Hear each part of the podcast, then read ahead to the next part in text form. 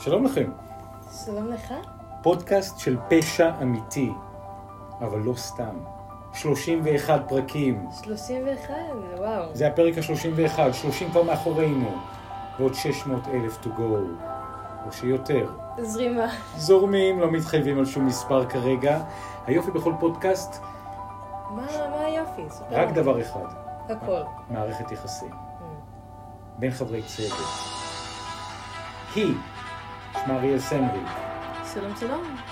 אריאל סמריק יש לה כמה יתרונות יחסים. הראשון שבהם. תמשיך. היא מבינת עניין, היא מביאה תחקירים יוצאי דופן. וואו. היא אוהבת סביב הנושא של פשע גם את העולם הפסיכולוגי הרגשי והפילוסופי. זה מאוד נדיר. אני חושבת שכל התחומים האלה הם- הם הסיבה למה שנינו נפגשנו כאן. אני יכולה להגיד את אותו דבר גם עליכם. אבל זה דור, דור ההווה, לא דור העתיד, דור ההווה. היא בת 16, משווק אותי ממתג את מה שצריך. כרגע לפלטפורמה הזאת. תקשורת. באוני... אפשר? ספר, אני... באוניברסיטה הפתוחה. יש לה רק דבר אחד ברזומה שהוא מאוד מאוד אפשר רק בעייתי. להגיד משהו? כן. כרגע לפלטפורמה הזאת של תיקים באפלה אנחנו צריכים לשווק את שנינו ביחד. אה, נכון, ולכן זה בדיוק הנקודה הבאה, אני מסכים איתך. בתוך הרזומה יש לה כתם אפל. קודם. וואי וואי, אתה מתכוון לספר להם? אבא שלה, וואו וואו. אדם, שכל מילה מיותרת, זה אני. נקודה חשוכה. אריאל סמריק ונתנאל סמריק, אריאל, קודם כל איזה כיף לנו להיות ביחד היום. ספרי לנו. על מה אנחנו הולכים לדבר ומה הפורמט של הפודקאסט שלנו. מה אנחנו עושים פה בעצם? תיקים באפלה, פודקאסט פשע אמיתי, בו כל שבוע, או אני, אריאל, או אבא שלי, נתנאל, נתנאל.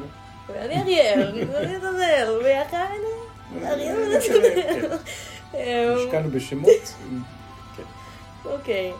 אה, אחד מאיתנו מביא סיפור של פשע אמיתי, תיק שנותר באפלה, ופותח אותו מול הבן אדם השני. לראשונה. לא דיברנו על זה לפני, לא רציתי להביא ספוילרים. לא דיברנו על זה בארוחות הערב המשפחתיות. אפילו לא בארוחות הערב. אפילו לא המשפחתיות. בדרך לאולפן. לא. שום דבר. אז אחד שומע לראשונה, לכן שואל גם את השאלות שיושבות לו על הלב. וכל זה קורה. שימו לב, RSS, נראה אם אתה זוכר, כי בדרך כלל אני שולפת את ה... ספוטיפיי, אפילו בספוטיפיי. גוגל פודקאסט, אפל פודקאסט. חוץ מזה יש לנו קבוצה בפייסבוק, נכון מאוד. יש לנו עמוד אינסטגרם, גם עמודים שלנו. ויש לנו כבר תלפים תלפים של הורדות. אנשים שמשקיעים את הזמן ואת האנרגיה כדי ללחוץ על קליק, על לינק, לשמוע, להקשיב, להגיב, אנחנו מלאי הכרת תודה על כל אחד ואחד מכם. שוב, אתם יכולים להפיץ, לשמוע בעצמכם. ולא לנסות את זה לבד בבית. לא. על מה אנחנו הולכים שוב, לדבר? הכל, כל הפלטפורמות זה בחיפוש השם של הפודקאסט, תיקים באפלה, אריאל ונתנאל סמריק. או באנגלית, תיקים באפלה, אריאל ונתנאל סמריק, תיקים, T-I-K-I-M, תיקים, בתרגום חופשי. בדיוק. השקענו במיתוג באנגלית. בבקשה. אה, הפרק אני הבאתי, וזה בשאלה המוסרית של... אה, מוסרית. אה, מוסרית, זה בשאלה של יחס לילדים.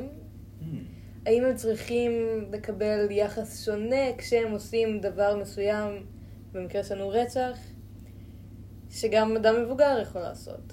מה העונש בהתחשב, האם צריך להתחשב בעובדה שהם ילדים? מעניין. איך הגעת לנושא הזה?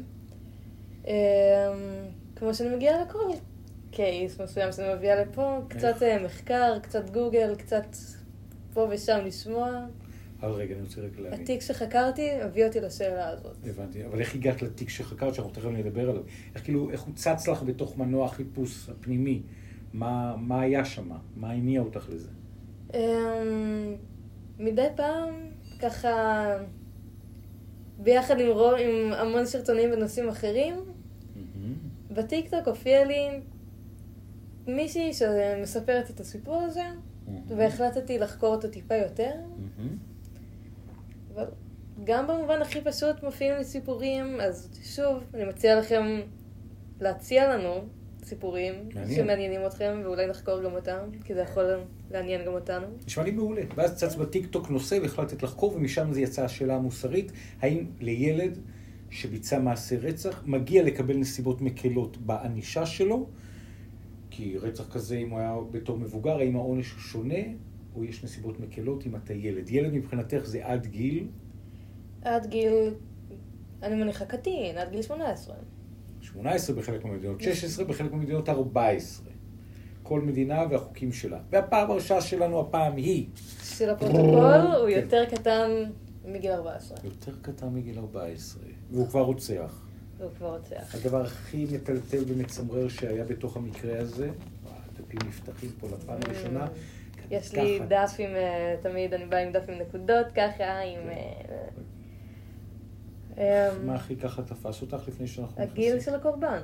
של הקורבן, של הקורבן דווקא. שהוא היה בן? ארבע. אומייגוד. בן 13 רצח ילד בן ארבע. אוי. כן. איפה בעולם? בארצות הברית. לפני כמה זמן? לפני קרוב ל-30 שנה. וואו. אריק סמית מהמם. נולד ב-22 בינואר 1980. כן. הוא היה ילד מנומש, ג'ינג'י, אוזניים בולטות, ג'ינג'י. מנומש כזה חמוד, ראיתי תמונות שלו, משקפיים עם מסגרת גדולה.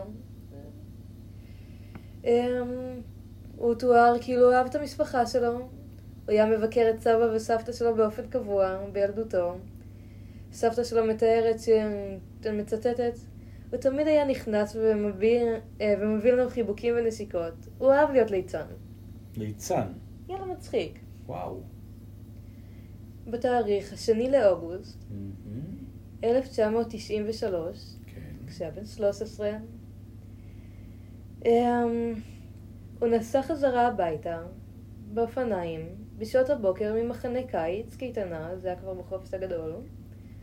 אמ, בקייטנה שהתנהלה בפארק, הוא חזר משם, אחרי שהתבקש לעזוב בגלל התנהגות רעה. מה זה אומר התנהגות רעה? אה, לריב עם ילדים, לטיזינג, אוקיי. וזה היה ממש בהתחלה, בשעות הבוקר שהקייטנה רק התחילה, רק... כן. נשמע כזה legit. נכון. באותו הזמן, אבל לכיוון הנגדי, ובדרך לפארק, לקייטנה. הלך דרק רובי, בן הארבע, לאותו הפארק. אריק ראה את דרק, ופיתה אותו ללכת איתו לאזור יער, בפינה של הפארק, בין 13 לבין 14, אחד יוצא מהקייטנה ואחד מגיע לקייטנה. בין 13 לבין הארבע. כן. ארבע. אה, אז הוא פיתה אותו ללכת אה, לאזור אה, יערי עם עצים שפינתי. הוא חנק את בן הארבע עד לאיבוד הכרה. זרק סלע על פני הילד, הם הכירו קודם? לא שידוע, וואו.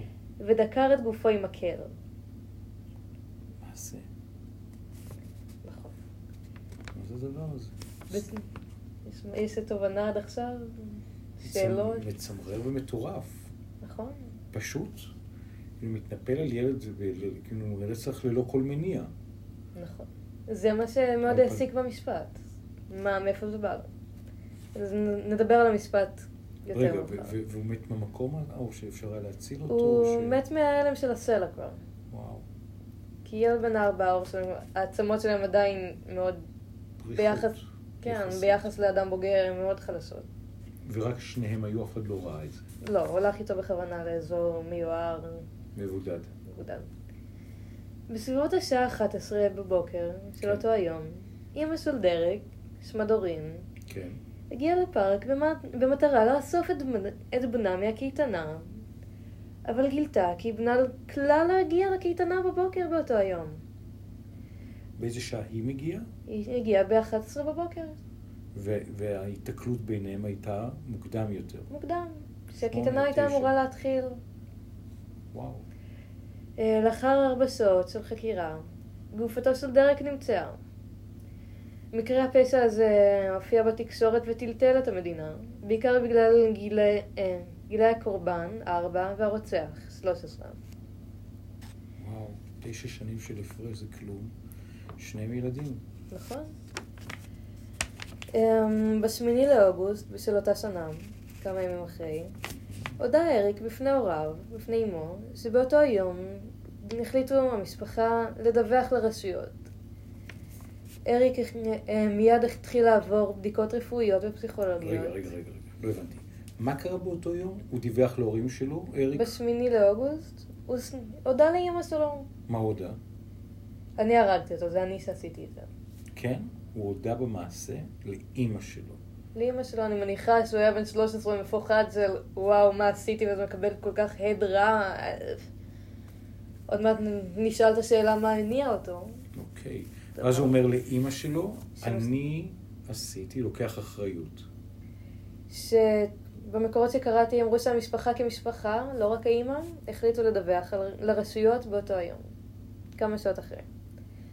אחרי הדיווח, אריק מיד החל לעבור בדיקות רפואיות ופסיכולוגיות, בכדי להבין את מעשיו, את מקור מעשיו.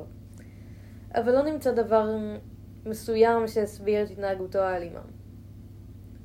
הוא היה כביכול נורמלי, אולי ילד בן 13, עצבני, אבל מניע פסיכולוגי הילדים- רפואי לא. לא היה. משהו בביוגרפיה מוקדמת, שידוע בשלב הזה לפני המשפט? אה, ממה שידוע, לא. אה, יש דווקא, זה נתמקד במשפט עצמו. ניקח, ניקח את הזמן. כי זה היה... תיארו את זה במשפט. אה, שוב, הנה, עכשיו זה... אני רואה את הנקודות שלי. מהמם.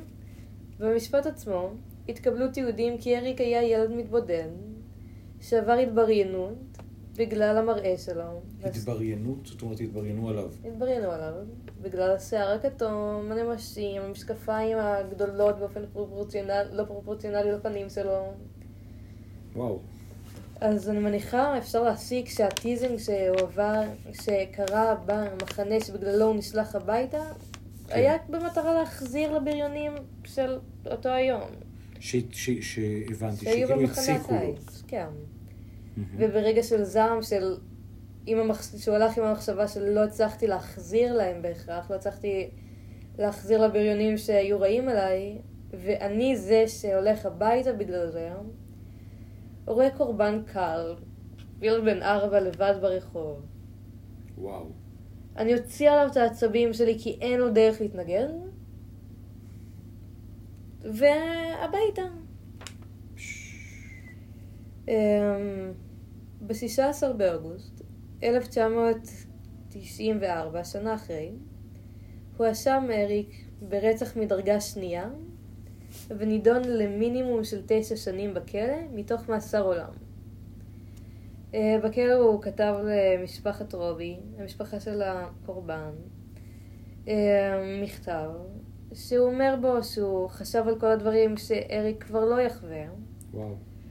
הוא ממש פירט שם שהוא לא יגיע לגיל 16, שהוא לא יחווה כבר חגי כריסמס, שהוא לא יהיה לו בית משלו, שלא יהיה לו, שלא יהיה לו ילד, הוא ממש תיאר את זה ל...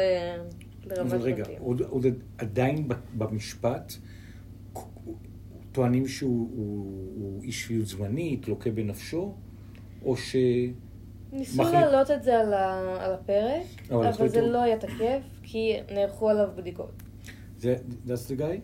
זה הילד. אני, אני אראה לך מול המצלמה, ככה נוכל אה, לתאר את זה, אבל אני פשוט תוך כדי זה, אה, הוא. באמת נראה חמוד, עם כל כן. הדברים הרעים שהוא עשה. אני שם אותו מול המצלמה, ואנחנו כמובן אה, נשים את זה בתוך העמודים הרלוונטיים אה, של תיקים באפלה, אבל ממש, אה, אני תוך כדי זה פשוט גיגלתי את השם שלו, מה אתה ורואים, חושב? ורואים ילד, שנראה גם אינטליגנטי וגם מופלם, ג'ינג'י, שובה לב, מתוק, משקפיים גדולים, שיער ארוך, כאילו לא ארוך, שיער כזה זורית. מלא, פוני, זהו, וואו. וואו, לא, בחיים, נראה לי בחיים, המבט העדי שיש לו במצלמה זה מצביע על הכעס שנגע בו אולי. משהו. שהוא מחזיק, משהו מאוד עצור. לא יודעת אם זה בהכרח כעס, תסכול, משהו עצור בו. וואו. אמ, במכתב גם אחרי שהוא תיאר את הדברים שהילד לא יחווה כבר. אמ, ונכתב גם שאם אריק היה יכול, הוא היה מת במקומו, ושהוא מצטער על הסבל שגרם לאריק בזמן ההריגה, ועכשיו, אם הייתה לו אפשרות, הוא יהיה לוקח ממנו את הכאב הזה. מאריק עצמו, ממש כתב, סיים את המכ- את המכתב, ו- אבל אני לא יכול לעשות את זה. הייתי עושה את זה, אבל אה, את- זה כבר נעשה, בעיקרון. איזה מכתב חזק. הוא כותב את זה בערך באיזה גיל? אה, בגיל 14 הוא נכנס לכלא, מניחה לקראת גיל 15 כבר. אה, ממש ב... בגיל מאוד צעיר הוא לוקח אחריות, מתנצל בכתב. כבר כמה ימים אחרי ההריגה עצמה הוא פונה לאימא שלו של- עם אמירה שהוא עשה את זה. כן. הוא הוחזק בבית כלא לעבריינים צעירים לשלוש, לשלוש שנים, משם עבר לבית כלא לנוער, ב-2001 הוא עבר לבית כלא שמור בניו יורק, ב-2016 הוא עבר לכלא בשמירה בינונית בניו יורק, ב-2019 הוא עבר בין שני בתי כלא נוספים בשמירה בינונית. מאז 2002 נדחו עשר בקשות לשחרורו על תנאי, עשר. עשר. האחרונה הייתה בינואר 2020. 2020. אמ, באוקטובר 21 הוא שוחרר על תנאי. אה, הוא שוחרר? הוא שוחרר. וואו. אה, הוא... רשמית הוא שוחרר ב... בראשון בפברואר 21, כי 21, זאת אומרת, אנחנו מדברים בערך שנה וחצי, קצת פחות, מהטיימינג שאנחנו מקליטים את הפודקאסט הזה. נכון, באוקטובר הוא היה אמור להשתחרר, אבל חסרים היו טפסים, ושוחרר בפברואר. שהוא בעצם בן 41. נכון. 27 שנים. 27 שנות מאסר מהמם. על משהו שנעשה בגיל 13. עכשיו נכנסת השאלה של האם הוא למד את הלקח, כי בתי סוהר אמורים, תכלס, המהות שלהם זה לשקם את הנאסר. לא רק, בנוסף לעונש, להענשה שלו, היא לשקם אותו במטרה שיוחזר לחברה. כאשר עוד נקודה אחת לפני השאלה הפילוסופית, רק כדי להבין את העובדות.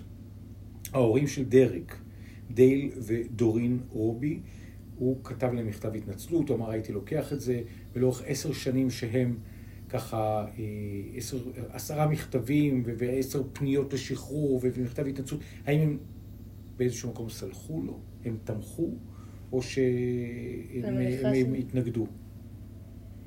אה, תשמע, אני מאמינה כאילו שבתור הורים שהרגו להם את הילד בן הארבע שיש לו, כמו שהוא ציין במכתב עצמו, חיים שלמים לפניו, קשה לשלוח, לסלוח על ברור. דבר כזה. כמה התנצלות שהוא לא, שהוא יגיד, בגיל 13 כבר יש היגיון, הם התנגדו לה, להתנצלות. אז הוא בחוץ עכשיו בעצם. עכשיו כן, הוא עכשיו חי אי שם, רוב החיים שלו, כן. שני שליש מהחיים שלו בערך, הוא היה. בכלא. והיום, בגיל שהוא צריך דווקא כאילו למצוא את המקום שלו בחברה, הוא היה בכלא, אז זה הסביבה שהוא מכיר. עכשיו, משהו מעניין, עוד דבר אחד אפרופו התמונה שאנחנו רואים פה, זה על החולצה שלו רואים את בקס בני. כן, עם, בגרפיק, בציור מאוד... כן, ציור כזה של אה, טינג'ים, בקס בני בחולצה, ואפשר לראות את המבט הזה, ספק אה, אדיש, ספק מתריס, אבל גם ספק מקשיב. זאת אומרת, זה, זה יש לא... שם מין בתמונה בפרופיל שהוא נמצא באוזן שלו, כי כן. קצת החוץ הראייה. כן, האוזניים טיפה בולטות, או לפחות כך זה נראה מזווית הצילום. סליחה, ואז אריאל, את אומרת, עכשיו בעצם עולה, אה, עולה בסופו של דבר השאלה, של האם זה מרגיש לי שזה, האם זה היה המאסר כדי שההורים של הקורבן ירגישו טוב רגע, של הרוצח שהבן שלנו נענש, או באמת לממש את המטרה של הכלא ולשקם את, ה... את ההורג. זאת אומרת, ופה מה, מה, מה ההתבוננות שלך, בסופו של דבר, האם צריך היה להשאיר אותו שם, או לקחת כנסיבות מקלות את הגיל שלו? גם זה שתי שאלות נפרדות, הן שתי שאלות שונות. אני חושבת שהוא קיבל את העונש שהוא היה צריך לקבל. הוא נענש לרוב חייו, לרוב החיים שלו שם, הוא היה בכלא. ו... אבל אם ברגע הראשון אפשר לראות שהוא כבר מודה, כבר כמה חודשים לתוך הזמן, השהות שלו בכלא, הוא מתנצל להורים, הוא לוקח אחריות מלאה על המעשה שלו, כן השאיר אותו בכלא, הוא כן עשה משהו נוראי, ובגיל 13 יש היגיון כבר. אתה יכול להבדיל בקלות בין טוב לרע ומותר ואסור. אבל להתחשב בעובדה שהוא כאילו מודה באשמה, הוא יודע, כאילו, הוא מבין מה, את הבעייתיות, הוא כבר צריך שיקום מאוד, לא מאוד, אבל יותר מתון ממה שהוא קיבל בהכרח. מעניין. לא יודעת אם זה מתחשב לגיל בהכרח, כי יש בני 13 שייקח להם שנים להבין את הבעיה שהם עשו, אבל מהרגע הראשון, אם הוא מבין טוב, מה זה- אתה חושב? קודם כל, זה, אני תוך כדי זה מקשיב ומגגל ומוצאים את התמונות. התמונה הזאת היא התמונה של אה, הנרצח. ככה בוא נוכל אה, להראות לכם. בטח, אני, אני אעביר את הכל, את אה, כמובן אה, תעלי. אוי, קפצה לי, תכף היא היא תצוץ עוד פעם. אבל במובן הזה אפשר לראות שגם הנרצח ב- ב- בתמונה שישנה, אה, ילד שובה לב. הם תכלס היו באותה סביבה. הם שניהם הלכו לאותו מחנה, שניהם אותו אזור, עשו את אותה דרך למחנה וחזרה. כן, זאת התמונה שאנחנו מראים מתוך אה, אחד מאתרי האינטרנט שמסקרים את הכתבה הזאת, שכמובן סוקרה בכל רחבי ארצות הברית, וכך הוא נראה. הרוצח שהלך וגדל, עכשיו קרח, זקן ג'ינג'י, נשאר ג'ינג'י, ובואו נראה את אותו המ... מבט, כן. נראה לי מרוחק טיפה. כן, אנחנו נשים לכם אותו שתוכלו לראות. אנחנו נעלה את זה באיזשהו שלב, אתם תוכלו לראות את זה, כמובן דרך עמוד הפייסבוק והאינסטגרם, אבל גם אנחנו שמים את זה, מה שנקרא, מראש כרגע, בעמוד תוך כדי היוטיוב. הכל מצולם בווידאו. בהחלט, אז אפשר לראות את הבחור. אוי, האמת היא שאני חושב ש... שהגיל בהתבוננות שלי הוא, הוא לא... אה, הוא לא פקטור שאני חושב שבגללו נכון להקל או לא להקל. אני אבל ההכרה של הילד במה שהוא עשה. אלא, אלא באמת לנסות, כשמערכת, ואני מסכים איתך לגמרי שבסופו של דבר כשקורית כזאת טרגדיה, השאלה אם הנשמה והנפש של הרוצח יכולה לעבור שיקום, זה תהליך פרטני. זאת אומרת, יש אנשים בני רוצחים מבוגרים, או, או, או בעשורים אני לא מתקדמים אומרת לחיים. שכשאתה ילד אתה לא צריך להיענש על דבר רע מהמם. שעשית. אבל, אבל זה, אני בא ואומר, אז שאם את, אם את שאל, שואל, פותחת שאלה שאומרת, האם רוצח צעיר ראוי להקלה בענישה על מעשה זוועה שהוא עשה בגלל שהיותו צעיר? העמדה שלי היא חד וחלק לא, לא. היא אומרת, ואתה צודק, זו שאלה תיאורטית. כן, זאת אומרת, בעיניי, זה שהוא צעיר, זה לא מקל. אם הוא אה, עבר בהקשר הזה את המקום של ההכרה. אני אומר, זה, לא הייתי מקל בעונש בגלל הגיל הצעיר, אני כן מעד להקל בעונש אם לאורך תהליך המאסר יש הבעת חרטה, יש נטילת אחריות, יש פיצוי אמיתי כמיטב היכולת, לצורך העניין, פותח קרן שבאה והכנסותיה הן לצורך העניין, שוב, כמשל, מה שאתה אומר אם הוא עבר שיקום בהכרח. אם לצורך העניין דרך הכלא, יש איזה קרן שההכנסות שלהם תרומה לשימור הזיכרון של הפעוט שנרצח, או לשיקום עבריינים צעירים. זאת אומרת, שזה למעשה לא רק מהשפה אל החוץ, אלא בדואינג, שהוא באמת מטפל, והוא באמת משקם, והוא באמת מתנצל, והוא באמת לוקח אחריות, ואז בעיניי כן נכון להקל בעונש, אבל זה גם אם הוא היה בן 60, וגם אם הוא היה בן 30, וגם אם הוא היה בן 12. זאת אומרת, זה לא בגלל הגיל, זה בגלל התהליך הרגשי שהוא עבר. ו- ומה שאת מתארת, שפה באמת גם יש גיל צעיר, וגם שיש נטילת אחריות אמיתית, גם בהודעה, גם ב- במכתבי הבקשה ההולכים וחוזרים, וגם בתהליך השיקום. זאת אומרת, הוא, הוא היה בבתי כלא של אה, אה, עצימות בינונית. זאת אומרת, כבר לאורך הדרך הוא הבינו... התחיל ב- באמת במקום של צעירים, בית מהמם. צעירים למשך שלוש שנים, אז לנוער, ואז לשמור, ומ-2019 אני חושבת. הוא היה בשמירה בינונית. ומה שאת מתארת פה מזכיר לי את, ה, את אחד הפודקאסטים הראשונים שדיברנו בהם על, הרוצח, בין, על הרוצחים בני ה-13. נכון, בפרק הראשון. הראשון, אחד הראשונים, הראשון, בדקתי? היום. כן. של נהג המונית דרק רוט, רצח שהיה בארץ, היה בהרצליה, שני בני טובים, בהרצליה רוצחים את נהג המונית דרק רוט. ביחד הם נתפסים, תיכון אה, מאוד מאוד ידוע בהרצליה. אה, הזדמן לי לעשות סרט על הפרשה הזאת ולהיפגש במסגרת הסרט עם שניהם. אחד ברח לארגנטינה, שם צילמנו אותו בכלא אבל שם שוב, בארגנטינה. הבריחה על המראה על- בדיוק. על חרטה מסוימת. ויותר מזה, הם אחרי הכלא, הם אה, נעצרו ונשפטו, הם טוענים שהם לא היו אחראים, על עוד מעשה שוד. אבל יש כאילו, אחריות לא מוריד, כאילו חוסר אחריות לא מורידה מהעונש בהכרח. אז אני בא ואומר, הם לא לקחו אחריות, הם, לק- הם הודו ברצח, רק לא הסגירו מי מהם לחץ על ההדק. ולא אמרו אף פעם, למעט עד הסרט, למה הם ביצעו, ביצעו את הרצח. אגב, בתוך הסרט הם נותנים להבין, אחד, פרט מעניין, שהיה שותף שלישי, שחמק מתוך העונש, ושתיים, שערב קודם היה איזשהו ויכוח סרק ריק מתוכן עם נהג המונית, ואז הם החליטו להתנקם בו, והם הזמינו אותו, והם, ו, ומתוך המקום הזה הם אה, לקחו את הנשק וביצעו את מה שהם ביצעו. אגב, בן של חוקרת נוער במשטרה ועורך דין פלילי ידוע, ומהצד השני אה, משפחה שגרה בהרצליה, והנה דוגמה לשניים שלא הביעו חרטה עמוקה, לפחות במעשים שלהם, אחר כך הם חיו ביחד באותו תא, וביצעו עוד מעשה פשע של שוד אחרי הרצח. אז האם צריך להקל בעונשם? אתה אומר שזה לא. תלוי מעשים ולא תלוי גיל. בדיוק, שזה תלוי מעשים, תלוי טיפול, תלוי נטילת אחריות, תלוי התנצלות אמיתית, ובעיניי גם תלוי מעשים אמיתיים לשיקום. זאת אומרת, ביצעתי רצח, מעשים לשיקום אני לא יודעת, כי יש אנשים שלא יודעים איך לגשת לזה בהכרח. אבל אני אומר, מהבחינה הזאת, נגיד, אני מבצע עוול. הוא נכנס לשם בגיל 13, אני לא יודעת כאילו, החיים שלו בחברה, עד גיל 41, יש לו הרבה זמן לחשוב. נגיד, אני אתן פה כמה רעיונות שעולים.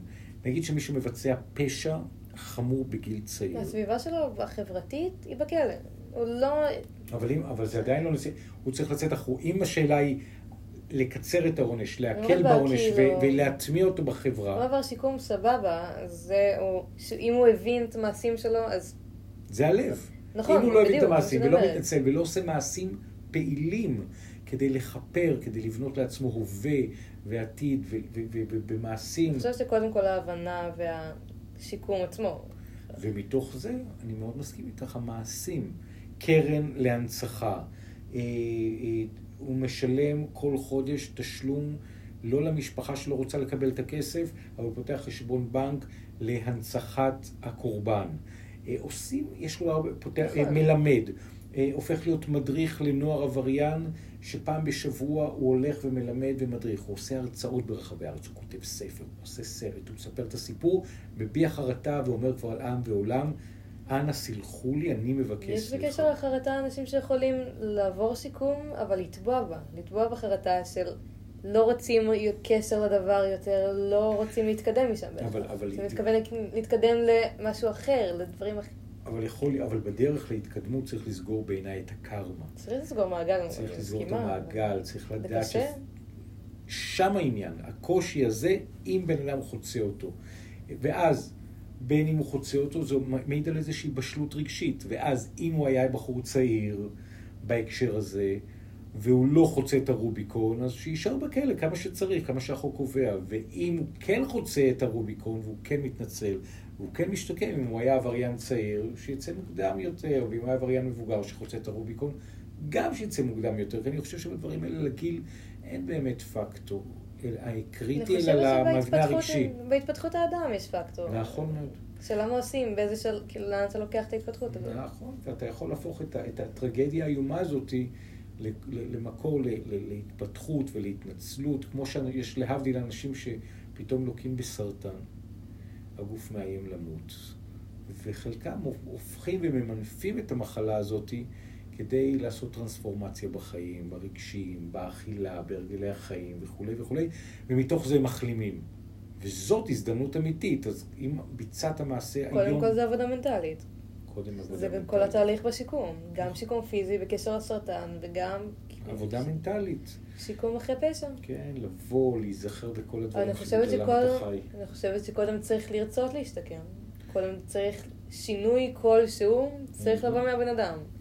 אם אני לא רוצה להשתנות, אני אתקע באותו חור. עוד נקודה אחת שהיא מעניינת בתוך המקום הזה, אריאל, זה המקום שדיברת על ה... שמצאו את הבולינג. זאת אומרת, המקום שחבר'ה צעירים ראו ילד ג'ינג'י אולי קצת עם אוזניים גדולות, וירדו עליו, והציקו לו וכולי, ויצרו שם איזוש, איזושהי שריטה, והזעם שלו יצא בצורה איומה ונוראה ובלתי נתפסת ואסורה. אבל זה גם מפנה מבט אלינו, על הלהקה הזאת של בני האדם, שאנחנו רואים ילד. קצת שונה, קצת מוזר, קצת צולע, קצת אחר, קצת זה, לא משנה.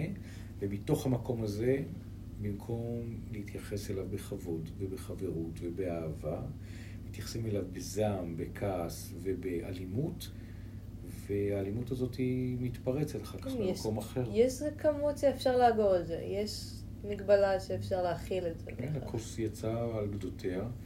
ומעניין מה קרה באותו בוקר בקייטנה. משהו שם היה... לא פורט. אה, תיארו שם הפרעות. הוא התראיין מתישהו? הבחור עצמו, הבן 41 שיצא הרוצח. ממה שהבנתי, הוא רצה בזמן השהות שלו בכלא להעביר גם מסר למשפחה באודיו. וואלה. התראיין, אבל לא מצאתי משהו שקרה עם זה בפועל, חוץ מהמכתב עצמו. כן. אבל הייתה לו כוונה גם להעביר להם את זה בקול שלו, את הסליחה. מאוד מאוד מאוד יוצא דופן. אריק סמית. אריק סמית. גם השתחרר לפני מעט מאוד יחסית. כן, הוא ממש עושה את הצעדים הראשונים שלו אה, בעולם שם בחוץ. אריק סמית רוצח, האם אפשר לנקות את זה? לנקות לא, לשקם, להמשיך הלאה, לכפר על דברים, אני חושבת שכן. לגמרי, הלוואי. הנה תמונת קלוזאפ. כי תכלס את מה שעשית בעבר אי אפשר לשנות, אז זה נעשה, זה לא משנה מה, אבל כן, להבא, אתה יכול לחפות על זה. אין כאילו... אתה מה שאתה עכשיו לדעתי. אז מה המסקנה שלך, אריאל, ככה לקראת אה, סיום הדברים? אה, תבחרו נכון נראה לי, לנתב את הדברים שלכם למקום טוב בהכרח. למצוא את ה... גם עם הזעם שנייה, לנס... אני... זה קשה, לעצור רגע, לחשוב שנייה, גם אם אתה ילד בן 13 עצבני, קח את זה למקום מפתח, נשמע קלישאתי, נשמע כאילו מתנשא, אבל זה תכלס כאילו, דרך נראה לי היחידה, שנייה לחשוב, שנייה. לקחת שנייה באמת. לקחת שנייה, ובהקשר הזה, מה שנקרא לנסות לראות ולתעל את, ה, את האנרגיה כן. למקום שאולי אחר. ואם כבר עשית משהו רע, כמו שאתה אמרת, להבה, איך לפתור, לחפות, להשתקם, להמשיך עם זה. לגמרי. כן. אנחנו רואים תוך כדי זה, אתם שומעים פה ברקע, אנחנו תוך כדי זה עושים אה, גוגל ביחד למקרה הזה של אה, אריק סמית. וואו. אז אנחנו מתוך CBS, ככה בחפירה עמוקה תוך כדי הזה בתוך האינטרנט, פתאום אפשר לראות אותו בפול מושן וידאו, אפשר לראות אותו בווידאו. אנחנו כמובן נשים את הקטע הזה מתוך uh, uh, CBS ואנחנו נראה את זה ביחד. In 1993, 13-year-old Eric Smith killed 4-year-old Derek Roby in a fit of rage. He was convicted and locked up for 28 years. Then, last month, he was set free. שוחרר לפני חודש. I understand why, after so many years, they decided to give him a chance. And... זאת אומרת, יש פה גם ראיון שאנחנו מוצאים פה ממש בתוך דיווח אה, אה, חדשותי קצר, שנותנים לו צ'אנס נוסף, ונשמע יותר, זה בסדר.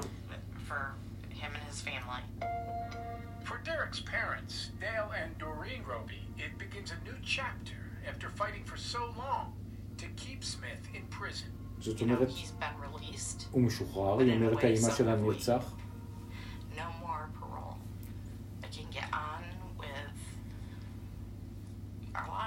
אנחנו רוצים להמשיך בחיים שלנו. ועכשיו הריפוי יכול להתחיל.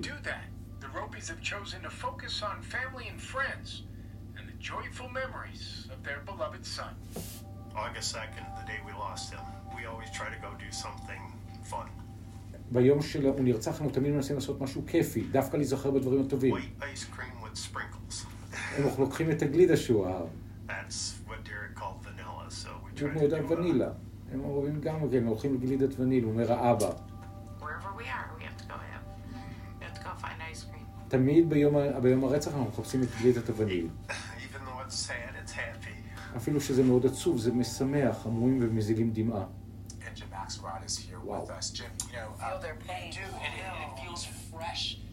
כל דיונים באולפנים בארצות הברית, נושא מרתק, אריאל באמת שבט. לקחת את המקום העצוב הזה, את האינברסרי של הרצח של הילד שלהם, דווקא להתמקד במה שהוא אהב. הוא אהב גלידה. ויותר מזה, הם גם החליטו עכשיו שהוא שוחרר, לא להתנגד. זאת אומרת, הם במשך אה, אה, אה, עשרה מכתבים. שרוב- שרוב הדחיות של הבקשות שחרור היו דווקא נדחו עם מאבק שלהם. בהחלט, הם היו חלק מה... אבל אחרי 27 שנים, הם אומרים, גם אנחנו חייבים להתחיל את תהליך הריפוי שלנו כהורים, להניח לדברים מאחור ולהמשיך עם החיים שלנו. ואנחנו רואים פה הרבה דיונים באולפנים, בטוקשים בארצות הברית, שבדיוק מדברים על הנושא המרתק הזה שאת הבאת, אריאל. האם הנושא הזה למעשה, השחרור גם משחרר את ההורים. עכשיו אני כבר לא צריך לחשוב על אריק סמית, אומרים הפרשנים של ההורים, אני יכול לחשוב על השיקום שלי בעצמי. זו זווית מאוד מעניינת, למה כן לשחרר וכאילו לסגור את הפרשה.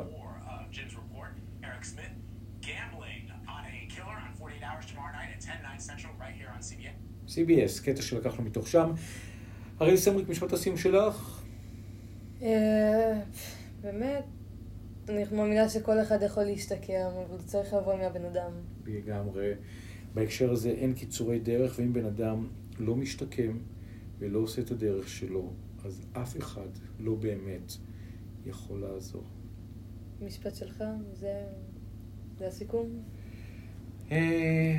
האמת היא שזה נושא מצמרר, 14, 13, גיל 4, כל, ה, כל האירוע הזה זה... נראה לי הפריס גילאים זה מה שבאמת טלטל את הברית כשהם שמעו על הפרשה. אני אומר בהקשר הזה, הבאת אה, סוגיה פילוסופית מרתקת, ובאמת אני חושב שאנחנו חיים בעידן שכמו שלהבדיל, מגדר זה כבר לא אה, שחור לבן, ומשפחה זה כבר לא שחור לבן, גם גיל זה כבר לא שחור לבן, הכל אינדיבידואלי, ומי שעושה טרגדיה צריך לקחת אחריות ולהביא פתרון אמיתי וטרנספורמציה אמיתית, בין אם הוא בן 60, בן 90, בן 13, בן 50.